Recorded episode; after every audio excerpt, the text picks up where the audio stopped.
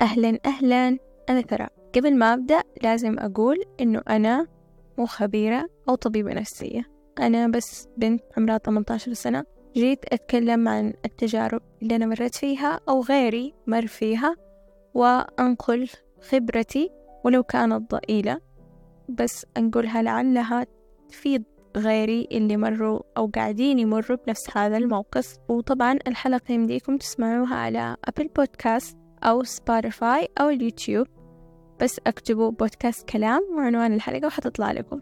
والتفاصيل الأكثر زي إذا تبوا تتابعوا حساب بودكاست كلام في الإنستا والتيك توك فحيكون طبعا صندوق الوصف. لازم أوضح وأقول إنه ممكن أنتوا حتشوفوا صوتي غريب بس لأنه أنا الآن يعني أنا ما عندي مايك احترافي فأنا قاعدة أعدل على الصوت من برنامج حق بودكاست. فعشان كذا إنه صوتي ترى يعني هو صوتي مو زي كذا يعني الصوت اللي أنتوا بتسمعوه الآن ترى معدل عليه. عشان كذا صوتي بيبان مرات كأني أنا روبوت بتكلم. هذا يعني بس للتوضيح.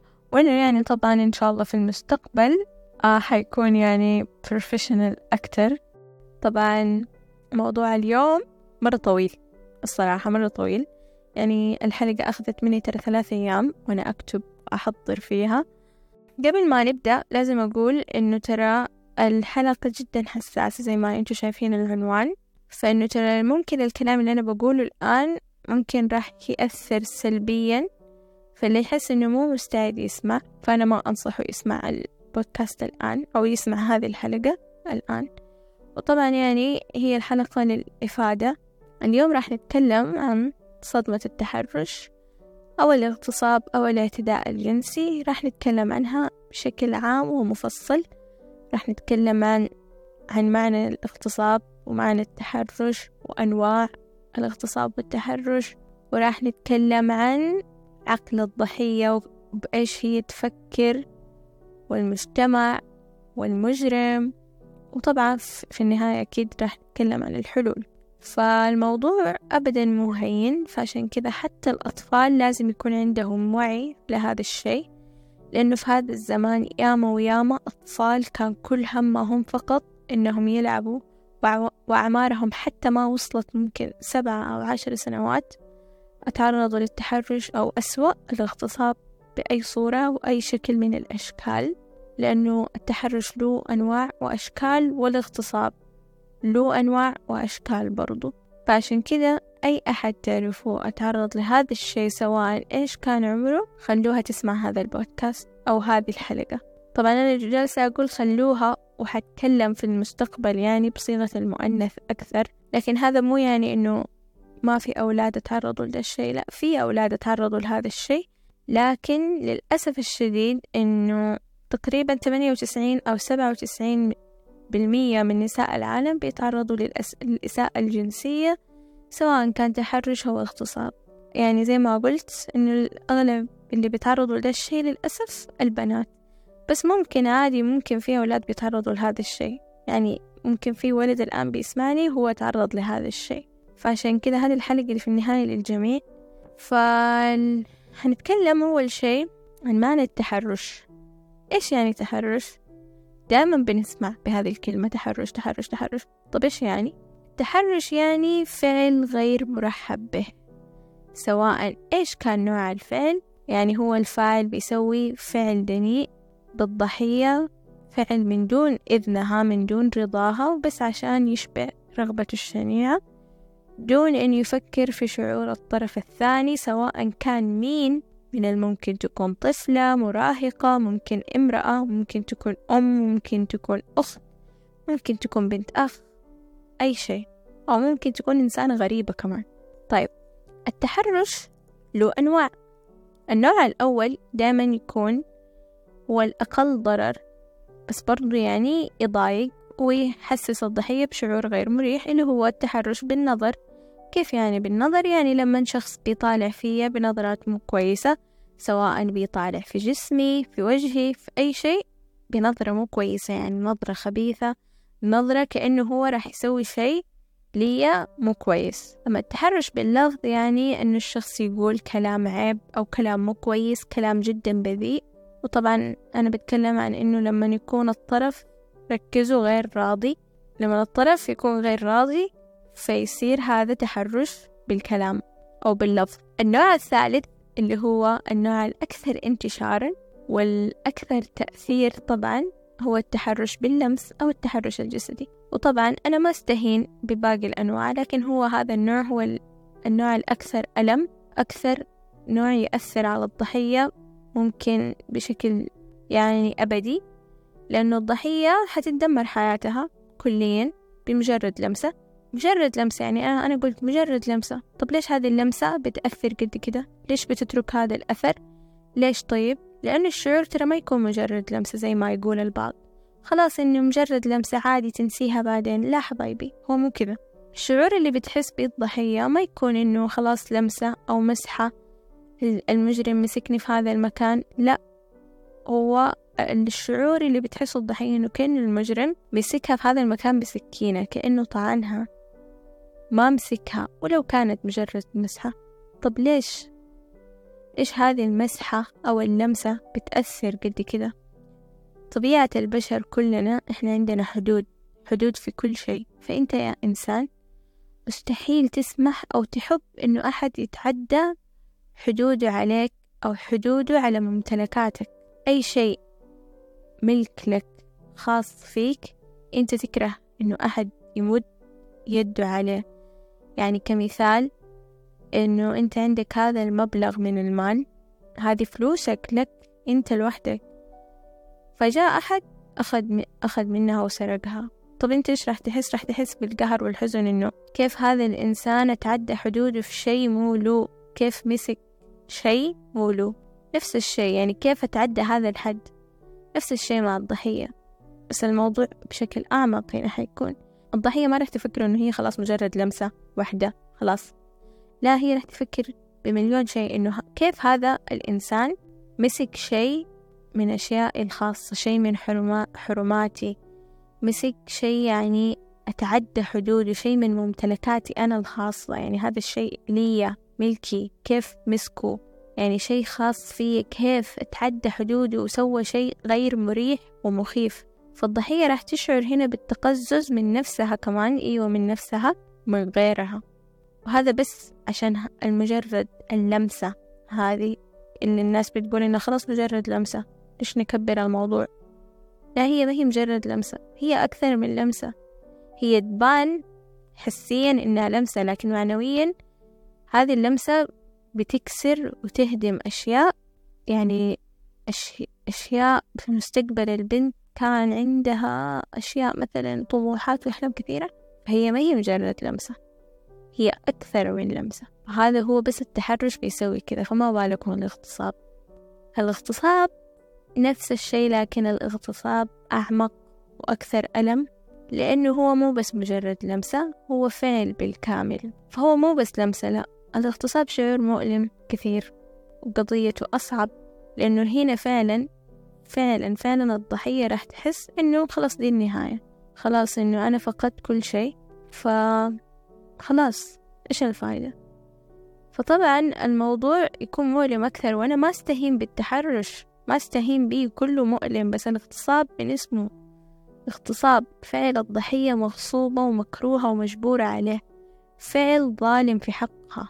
نفس الشيء مع التحرش. الطرفين يعني الاثنين سواء انت ضحية تحرش أو اغتصاب أو ممكن ترى في ناس تعرضوا للاثنين كلهم تعرضوا للظلم. بس أنا ما بقول يعني بقول لكم إنه الاغتصاب شعوره أقوى حتى لو كان اغتصاب زوجي.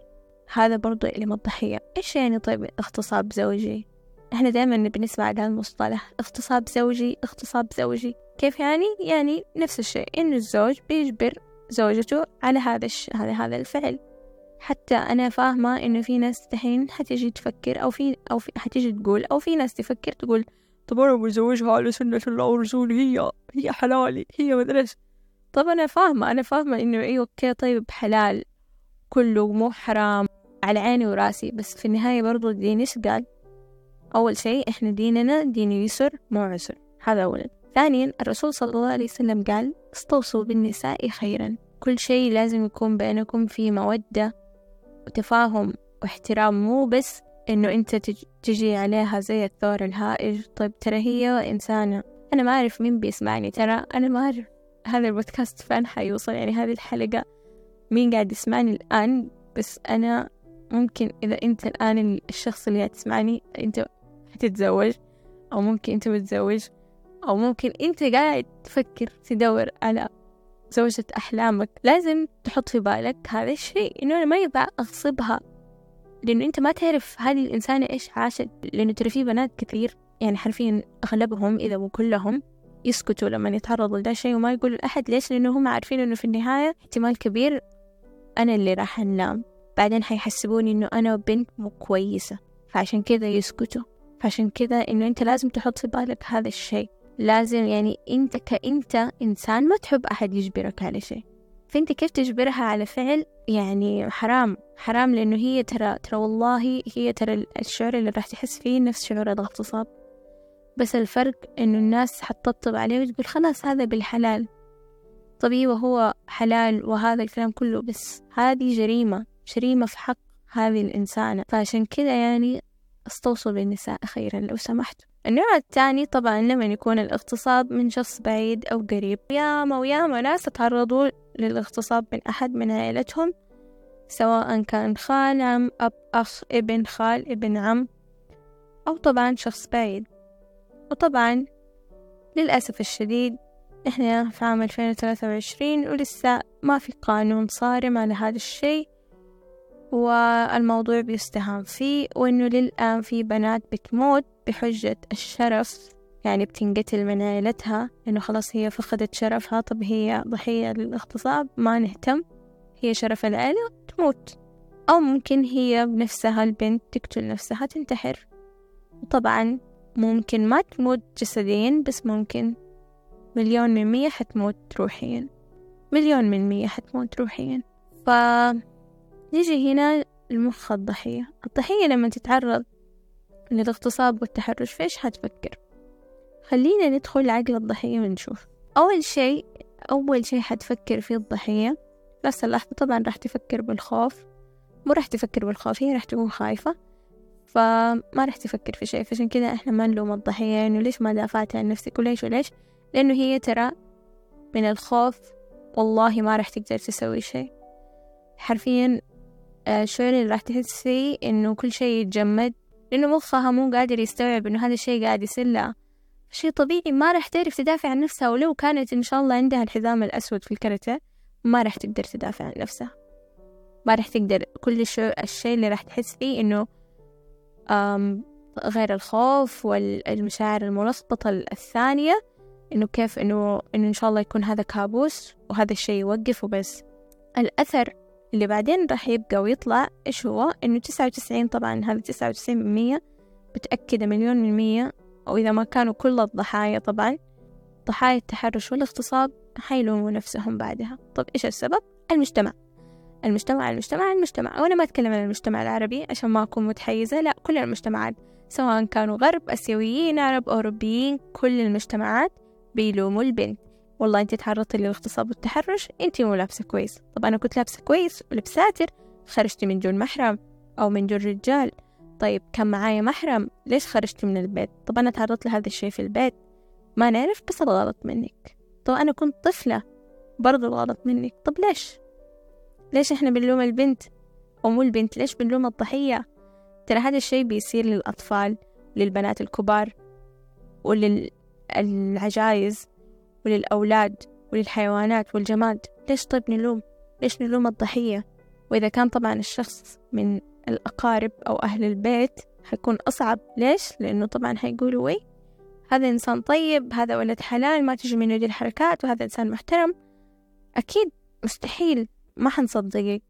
فطبعا عشان كذا أغلب البنات اللي بيتعرضوا من التح... يعني بيتعرضوا للتحرش والاغتصاب من شخص من العائلة صعب يتكلموا لأنه يخافوا إنه طب هذا شخص من العيلة. ممكن ما يصدقوني. لأنه هي عارفة إنه احتمال كبير حيحطوا اللوم عليها. عشان كذا هي تفضل إنها تسكت. طبعا السكوت غلط. طبعا إحنا حنتكلم بعدين كيف بنتعامل مع ذا الموضوع بعدين. دحين إحنا خلينا نفصل. فطبعا لو أنتوا يا بشر بتعاملوا كل الجرائم اللي بتصير في الحياة زي ما تعاملوا جريمة الاغتصاب والتحرش راح تعرفوا قد إيش إنه أنتوا غير عادلين بحق الضحايا. خلاص والله أنت انسرقت. هذا أخذ منك ذهب وفلوس. والله حبيبي الغلط منك. ليش تلبس لبس يبين إنه أنت غني؟ ليش أصلا أنت عندك فلوس؟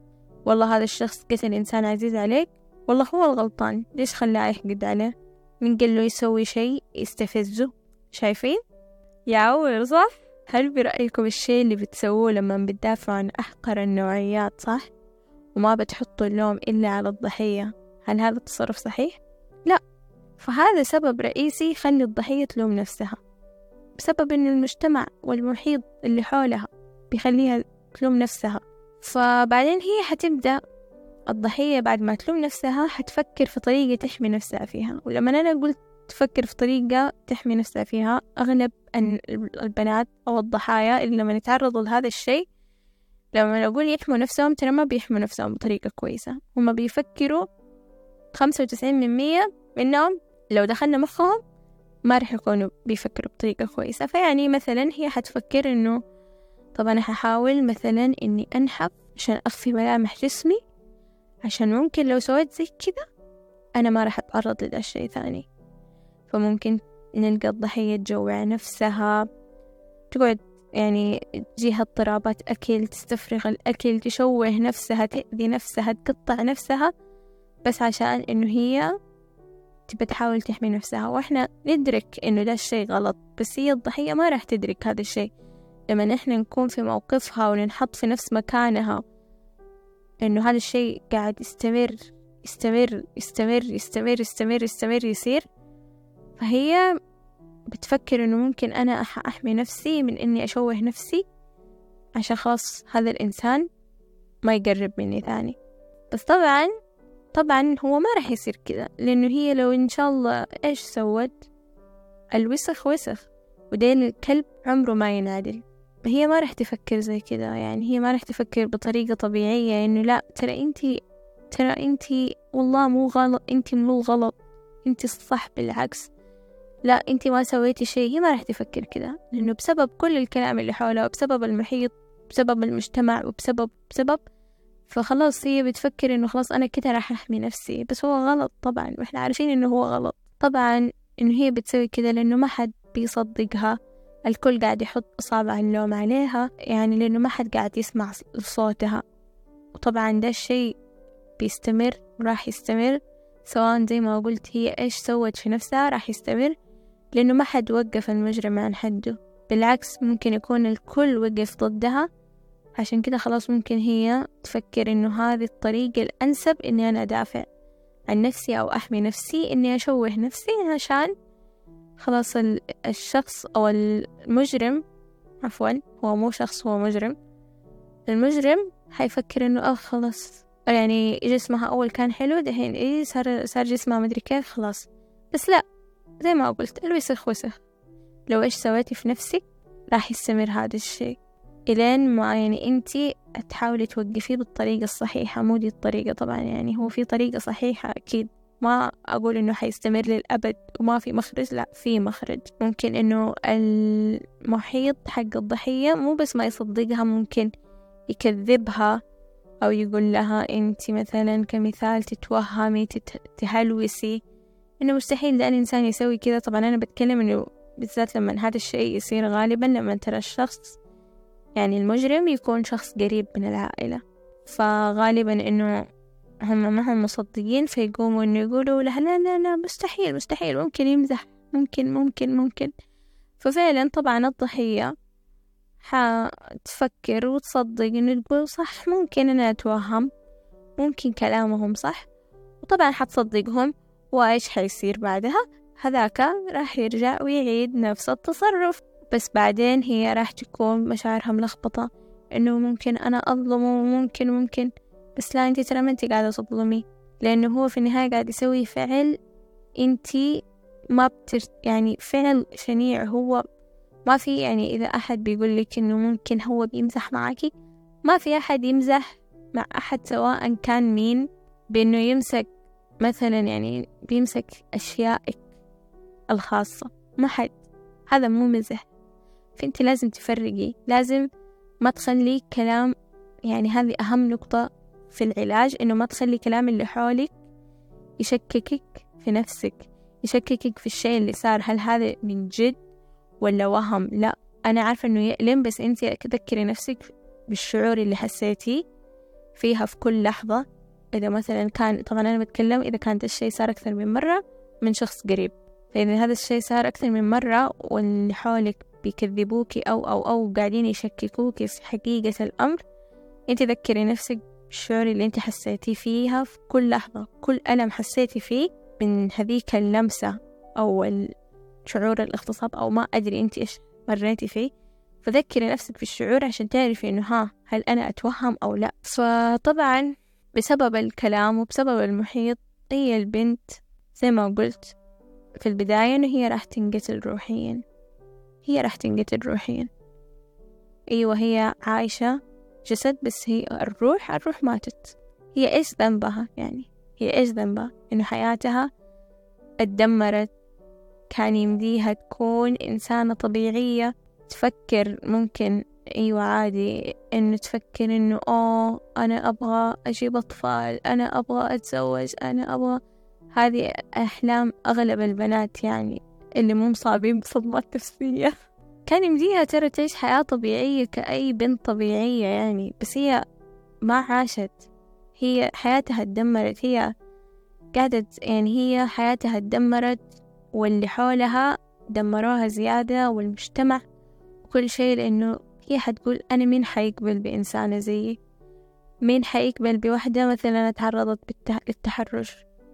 مين حيقبل بوحدة ضحية اغتصاب؟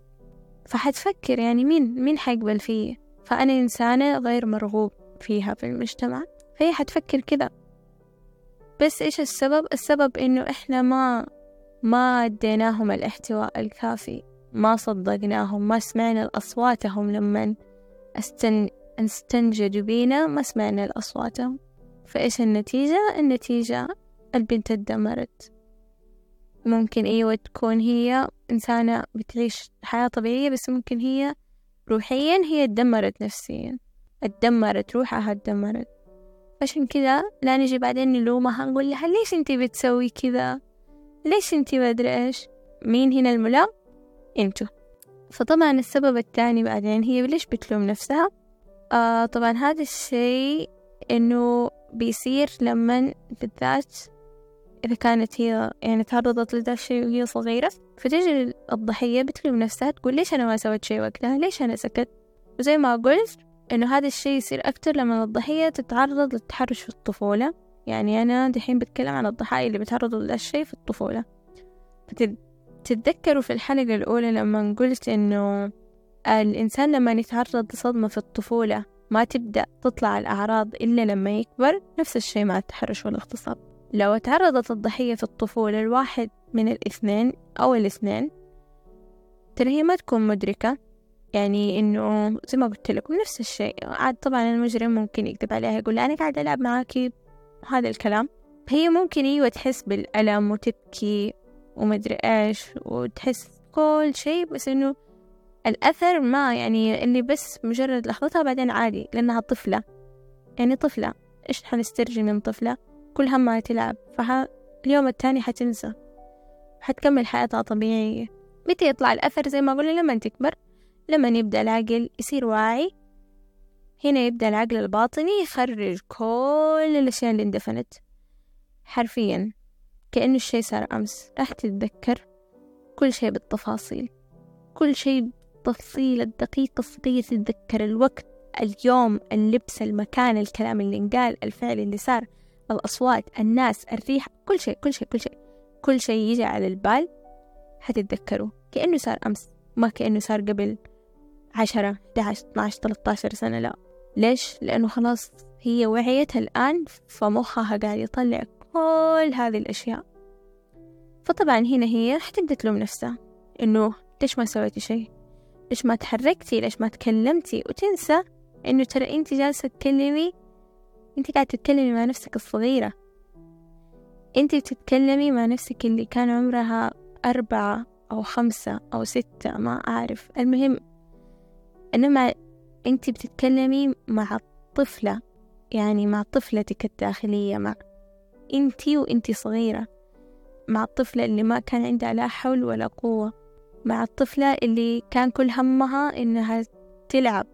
انتي جالسة تتكلمي مع نفسك يعني انتي قاعدة تلومي الطفلة هذه على كأنه إنه هي انتي اللي عمرها 18 أو اللي عمرها 20 ف إحنا ما ندرك هذا الشيء إلا بعدين إنه نقول أوه فعلا أنا كنت صغيرة طيب أنا إيش كان بمقدوري أسوي؟ وسواء أنا بقول لك شيء سواء زي ما قلت كنا صغار أو كبار ما نلوم نفسنا. حتى أنت الآن لما تتعرضي لهذا الشيء ولا تلومي نفسك إنه أنت ليش ما سويتي شيء ليش ما دافعتي عن نفسك. لأنه والله صعب. ولو جاء شخص لامك الله يلوم اللي يلومك. لأنه كلنا عارفين إنه قد إيش صعب. صعب كيف تدافعي عن نفسك صعب في هذا الموقف كيف تتحركي. فصعب صعب حتى ما تعرفي أصلا من بعدها يخلص ده الموقف أنت ما تعرفي إيش تسوي. فما ما ينفع والله أنت تعرضتي للتحرش أو الاغتصاب قبل أربعة ثلاثة سنوات مين قال لك تجي تقولي دحين ما قلتي من أول؟ ترى صعب. ممكن ده الشيء حياخد منها أربعة خمسة ستة سنوات عشان تجيها الشجاعة أيوة عشان تتكلم. فلا تلومي نفسك لا تلومي نفسك أرحمي نفسك. لو لو كنت انت بكامل قواك العقلية ما انت صغيرة وتعرضت لهذا الشيء وما قدرتي تسوي شيء لا تلومي نفسك. لأنه أنت هذا الشيء أنت ما اخترتي لنفسك. أنت ما اخترتي هذا القدر لك. حتى لو كنت قلت لكم أنت إن شاء الله كنت أقوى إنسانة في العالم وما قدرتي توقفي المجرم عادي طبيعي. لا تلومي نفسك. أنت مو ناقصة. الحياة بتقلب ضدك والكل قاعد يقلب ضدك. ليش أنت كمان تخلي نفسك عدوة لك؟ أنت أرحمي نفسك. إذا ما حد رحمك إذا الحياة ما رحمتك انت أرحميها. طبعا هذا كله بيصير في عقل الضحية وما خفي أعظم. طبعا في أشياء أنا ممكن لو إن شاء الله أسوي ستمية مليون حلقة ما أقدر أوصف شعور الألم اللي هي حست فيه. لكن هذا تقريبا المختصر وممكن في أشياء أنا ما تكلمت عنها ما أعرف. فأنا آسفة إذا كانت في أشياء أنتوا مريتوا فيها وأنا ما قلتها بس أنا حاولت بقدر المستطاع أتكلم عن الضحية يعني وتفكير الضحية في هذا الشيء من جميع النواحي. طبعا هنا نجي للمجرم القذر بإيش قاعد يفكر لما هو يسوي ذا الشيء. طبعا التحرش التحرش والاغتصاب المجرم لما يسوي هذا الشيء هو احتمال خمسة وثمانين من مية يكون ضحية لاعتداء جنسي لأنه مستحيل مستحيل إنسان سوي مستحيل إنسان بكامل قواه العقلية إنه يسوي هذا الشيء في إنسان ثاني. وطبعا أنا ما ببرر للتحرش أو الاغتصاب أنا بس بأشرح إنه هو ليش صار زي كذا يعني ولا طبعا هذا مبرر. ف وبقول دي النقطة عشان إنه إحنا هدفنا إحنا نكسر هذه الدائرة عشان عشان الضحايا الآن سواء كانوا أطفال أو أي عمر نبغاهم هم لما يكبروا أو لما يتعالجوا بالعكس يكسروا دي الدائرة ما نبغاهم يصيروا مجرمين. نبغاهم يعرفوا كيف يتعاملوا مع ده الموضوع كيف يكون عندهم وعي كيف هم بالعكس مستقبلا ممكن هم يجوا يوعوا الناس عن هذا الشيء. ما يكرروا نفس الدائرة هذه. فطبعا غير أنه ممكن المجرم يكون تعرض لده الشيء في الطفولة ممكن يكون عنده مشكلة في الجينات يعني خلل في المخ. أو مشكلة نفسية أو تعرض طبعا لطفولة صعبة. مرات ما يكون يعني مثلا تحرش وهذا مرات ممكن هو طفولته سيئة فعشان كذا هو كبر صار معفن. يعني عشان بحاول أختار ألفاظ كويسة. طيب إحنا تكلمنا عن الموضوع وتكلمنا عن عقلية الطرفين لكن السؤال هو كيف نعالج هذا الشيء؟ طيب إيش الحل؟ أول شيء لما يصير كذا طبعا أنا دارية إنه صعب إنه أنت تتكلمي وتقولي لأحد بس ترى أنت لازم تقولي لازم تقولي لازم تتكلمي. ولو أنت عارفة إنه ما حد حيصدقك ولو أنت عارفة إنه هم حيكذبوكي وممكن إنه أنت حتنقتلي لازم تتكلمي. هذا الشي ما ينفع ينسكت عنه. صدقيني صدقيني لازم تتكلمي. ولو كانت ردات فعلهم سيئة برضو لازم تتكلمي. طبعا إذا ما حد صدقك وانت عندك دليل وعندك القدرة يمديكي لأنه في بنات ما يمديهم يعني أنا نكون واقعيين. أنا ما أقدر أقول لك روحي الشرطة بلغي لأنه مرات إذا أنت سويتي زي كذا ممكن من جد حتنقتلي من العائلة. فعشان كذا آه إذا أنت عندك القدرة وعندك الدلائل وتحسي إنه أنت تقدري أنا أدعمك إنك تسوي ده الشي وتروحي تاخدي حقك بالقانون إذا لقيتي أحد يصدقك ووقف معاكي فحمد لله. وجاب حقك فحمد لله. الكلام الدحين اللي أنا حقوله للناس اللي ما حد صدقهم وما حد أخذ حقهم وحسوا إنهم يعني مهمشين. فهذا الكلام لكم. الكلام اللي راح أقوله الآن فممكن حيجرحك ممكن حيبكيكي ممكن حيكسر قلبك زيادة. بس أنا آسفة. أنا آسفة لكن هذا الواقع أنا لازم أقول وصدقيني صدقيني صدقيني. أنا حاسة بهذا الشعور كمان. بس أنا حاولت وقاعدة أحاول للآن ما أكذب إنه أنا أتقبل هذا الشيء لأنه هذا الطريق الأسهل والأقل ألم. فلو أنتي جلستي تستني أحد يصدقك راح تستني طول عمرك. ولو أنتي جلستي تستني أحد ياخد بيدك وياخد حقك راح تستني طول عمرك. فلا تستني شيء. لا تستني شيء من أحد أبدا. عشان أنتي مو ناقصة تتعرضي لخيبة أمل فوق خيبة الأمل والصدمة اللي أنت تعرضتي لها. ولو إنه والله أنا أدري وأعرف قد إيش شعور مؤلم جدا ويوجع لما ما حد يصدقك ما حد ياخذ بحقك بتحسي إنه أنت لوحدك قاعدة تحاربي في هذا كله. لكن صدقيني هو صح مؤلم لما أنت تستوعب ده الشيء في البداية هو مؤلم. بس بعدين أنت راح تعرفي إنه فعلا فعلا أنا لو أنا لو أنت جلستي تستني إنه وتقولي صدقوني وتستني أحد يجي يساعدك ويجي ينتقي وبلا بلا هذا الكلام كله ترى أنت اللي بتضري نفسك. لأن أنت لازم تكوني واقعية. إحنا مو في فيلم. الحياة مرات تكون ما هي عادلة للناس. مو كل يعني مو كل الناس الحياة تكون عادلة لهم. ممكن أيوة تشوفي دي الإنسانة تقولي الله ما شاء الله هذه جاها حقها. طب وأنا؟ في في مرات يعني أنت لازم هو فكرة مؤلمة بس أنت لازم تتقبلي هذا الشيء. لأنه مرات الحق حيضيع في الدنيا لكن أنت تذكري إنه في ربنا. ربنا يشوف يعني ربنا أهم شيء ربنا شافك وعارف إيش الحقيقة وربنا شايف.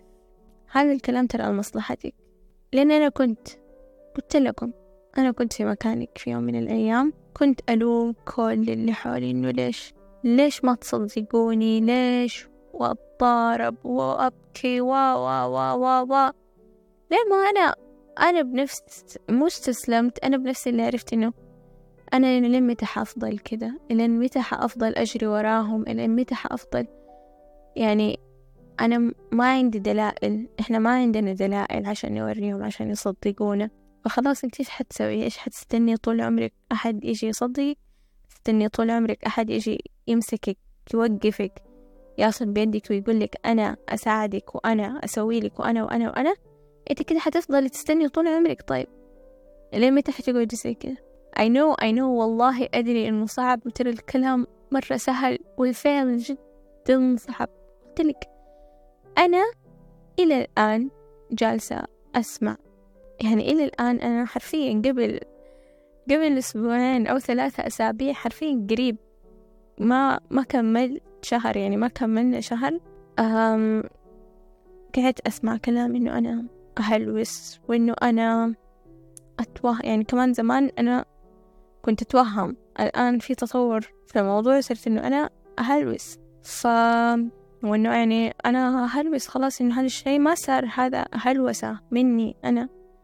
فأنا ما أكذب يعني ما ما أقدر أكذب وأقول إنه أنا ما حسيت بشيء وأنا مرة قوية ما أقدر.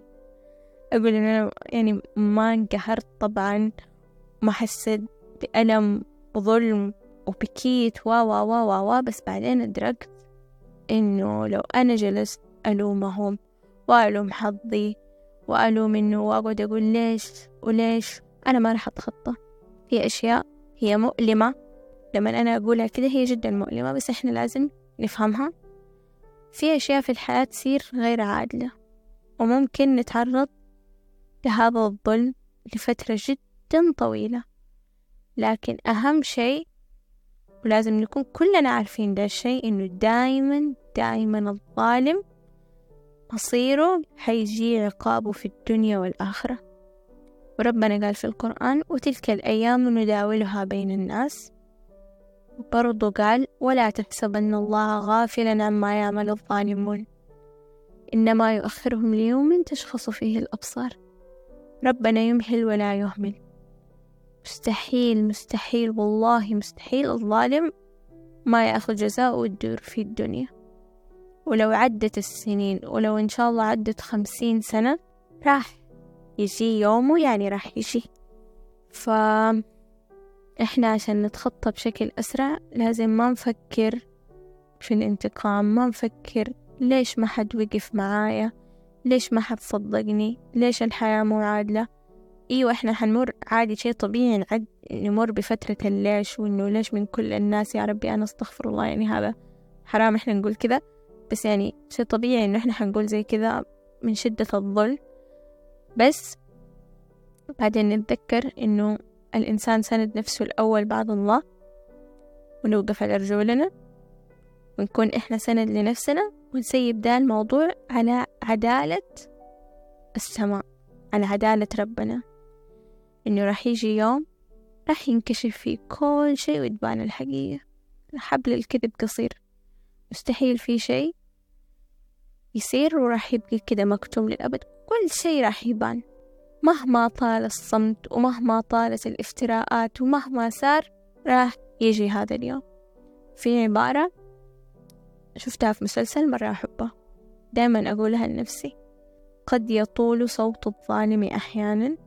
وقد يعلو.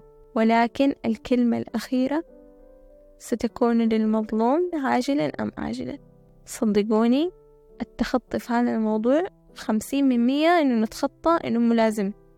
مو لازم أحد يصدق يعني مو لازم لأنه فهمتوا يعني هو التحرش لحاله صدمة. فلما أحد يعني طبعا زي ما قلت أنا بتكلم عن هذا الموضوع للبنات اللي ما حد بيصدقهم وما حد واقف معاهم وما حد وما حد وما حد. لما إحنا نتخطى إنه فعلا مو لازم طز فيكم كلكم لا توقفوا معايا لحد ياخذ بحقي. أنا معايا ربنا حرفيا ترى والله التخطي حيصير أسهل. لأنه إحنا حنوقف خلاص أنت ترى أنت قاعدة تتعبي نفسك لما أنت بتلومي وتلومي وتلومي أنت اللي بتتعبي نفسك لأنه هم ما راح يسمعوا. قلت لك لو جلستي تستني أحد يصدقك راح تستني طول العمر. لو جلستي تستني أحد يجي يساعدك ويقول لك أنا أنتقم وأنا أسوي لك وأنا أسوي لك راح تستني طول العمر وما وهذا الشيء بس راح يعرضك أنتي لخيبة أمل. فهذا الشيء الأول. الشيء الثاني اللي كلنا اللي كلنا لازم نسويه سواء أهلك صدقوك أو لا إنه لازم نستوعب ونتقبل إنه أنتي تعرضتي لهذا الشيء إنه إنه أنا عادي أنا تعرضت لهذا الشيء ولو كان اغتصاب ولو كان مؤلم. طبعا زي ما قلت الكلام دائما سهل بس الفعل صعب ولازم تتقبلوا أهم هذه هذا أهم شيء. لازم تتقبلوا فكرة إنه ترى في موضوع التحرش والاغتصاب التخطي مو لازم يكون مية من مية. أيوه. وأنا أحس ما حد يفهم هذا الشيء وما حد يتكلم عن دي النقطة إنه ترى في نوع من أنواع التخطي ما يكون بالكامل. يعني عادي طبيعي إنه أنت الآن وقف إذا وقف الإعتداء اللي أنت تعرضتي له طبيعي الآن تحسي مرات تجيك فلاش باك كذا فجأة. مرات لما أحد يمسكك ممكن تتذكري أنت شي من لمسة. شي طبيعي يصير كذا وهذا مو يعني إنه أنت ما تخطيتي لا عادي. اتقبلي إنه في بعض الآلام أثرها حيبقى موجود دايما. وأنت ما يمديك تغيري ده الشيء غير إنك تتعاملي مع الموضوع في وقتها. يعني عادي لو جاكي فلاش باك للشيء اللي صار وجاكي غثيان الله يكرمكم. عادي روحي استفرغي خرجي هذا الشعور. إذا حسيتي تبغي تبكي أبكي عادي. بس بعدين ذكري نفسك إنه هذا الشيء في الماضي والحمد لله إنه هو دحين وقف وإنه أنت لازم تتقبلي شعور إنه خلاص أنا مو لازم أجبر نفسي أتخطى ذا الشيء بالكامل. لأنه أنا أقولها واقعيا ترى هذا شبه مستحيل خصوصا ترى لو كان التحرش أكثر من مرة وكمان إذا كان اغتصاب. لأنه حيكون صعب على الضحية فهي إنه أنت لازم تتعايشي مع هذا الأثر وتتقبلي إنه أنا عادي ترجيني هذه الذكريات ولو أدري إنه هذه الذكريات جدا جدا جدا مؤلمة. أدري إنه هذه الذكريات جدا توجع وأدري إنه قد إيش إنه ممكن تخليكي نفسك كذا تحسي إنه أنت مخنوقة تحسي إنه أنت نفسك تموتي من قوة ألم هذه الذكريات. بس هو أنت لازم تسوي زي كذا عشان أنت تقدري تعيشي. عشان ما تخلي هذا المجرم هو سلب منك جزء كبير من حياتك هو سلب منك. شيء غالي عليك هو سلب منك روحك ما تخليه يسلب منك كمان الحق في إنك تتخطي وتعيشي. عشان ما تدي للمجرم هذه الفرصة تاني كمان. عشان ما تخليه إنه أوه هو قاعد يعيش حياة سعيدة وأنا حياتي أتدمر.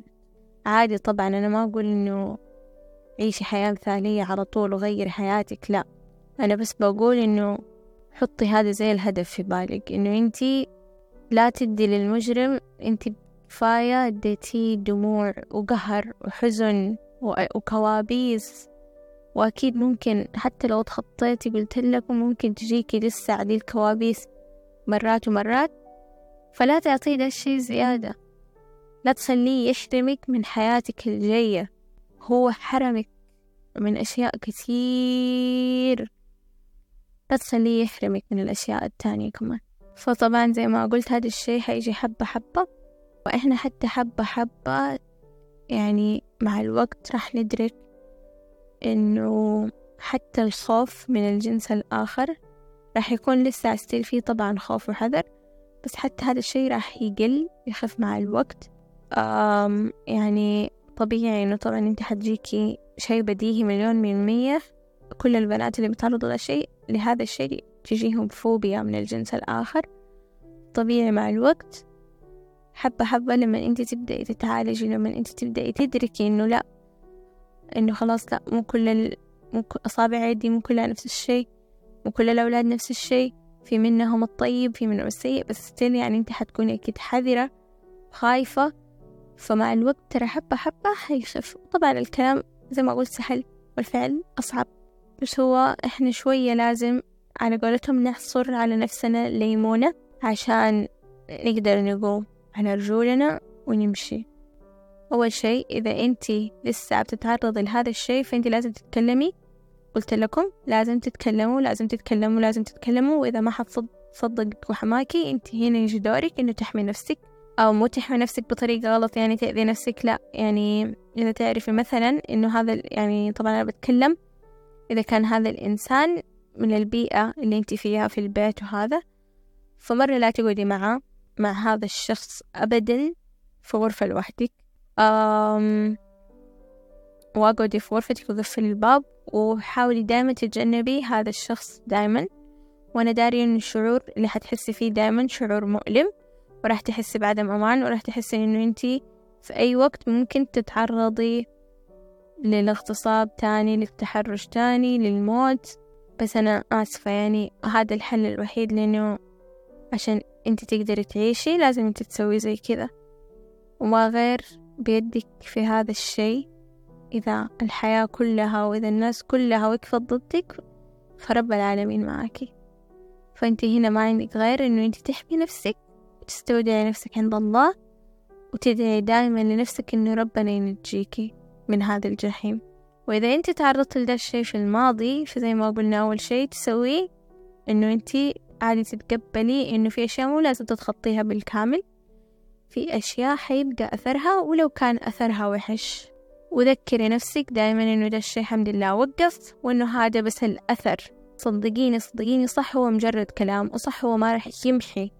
هذا الألم من قلبك وما راح يمحي يعني هذه الذكرى من مخك لكن برضو حيساعد. فوالله نسبة التخطي ده الموضوع راح تكون أسرع وأهون لما أنت تتقبلي إنه في أشياء فعلا ترى حيبقى أثرها. مو لازم أمحيها أبدا مو لازم أشرد منها. وتعرفوا متى الضحية؟ حتتخطى خمسة وتسعين من مية لما المجرم راح ينال عقابه. بس أنتي لو جلستي تاكلي في نفسك وتستني متى ومتى أنتي راح تتعبي. فموضوع الانتقام وموضوع إنه متى أنا آخذ حقي هذا سيبيه على رب العالمين. هو راح يجازي على عقاب على كل ألم وكل خوف وكل دمعة نزلت منك. كل شعور مقزز حسيتي فيه كل السنين اللي جلستي تتعبي فيها انت وبتموتي فيها نفسيا وجسديا وهو حر طليق راح يجازيه على هذه الأشياء كلها سيبيها على الله. وأتذكري حق المظلوم لو عدالة الدنيا ما جابته فعدالة ربنا راح تجيبه. راح يجي يوم حيكون هذا الألم أخف وأهون. ما أقول لك حيروح مليون من مية أنت حتتقبلي فكرة الأثر ولو كانت مؤلمة. وأتمنى أنه تكون الحلقة فادت الكثير. طبعا لو تبغوا تستشيروا أحد وتكلموا في هذا الموضوع أنا موجودة. حساب بودكاست كلام في الإنستا آه عندكم الرابط فتعالوا عادي كلموني. راح أرد على كل المشاكل وححاول أساعدكم بقدر المستطاع. فكذا نكون وصلنا لختام الحلقة وأشوفكم في الحلقات القادمة. ما نقول مع السلامة نقول إلى اللقاء.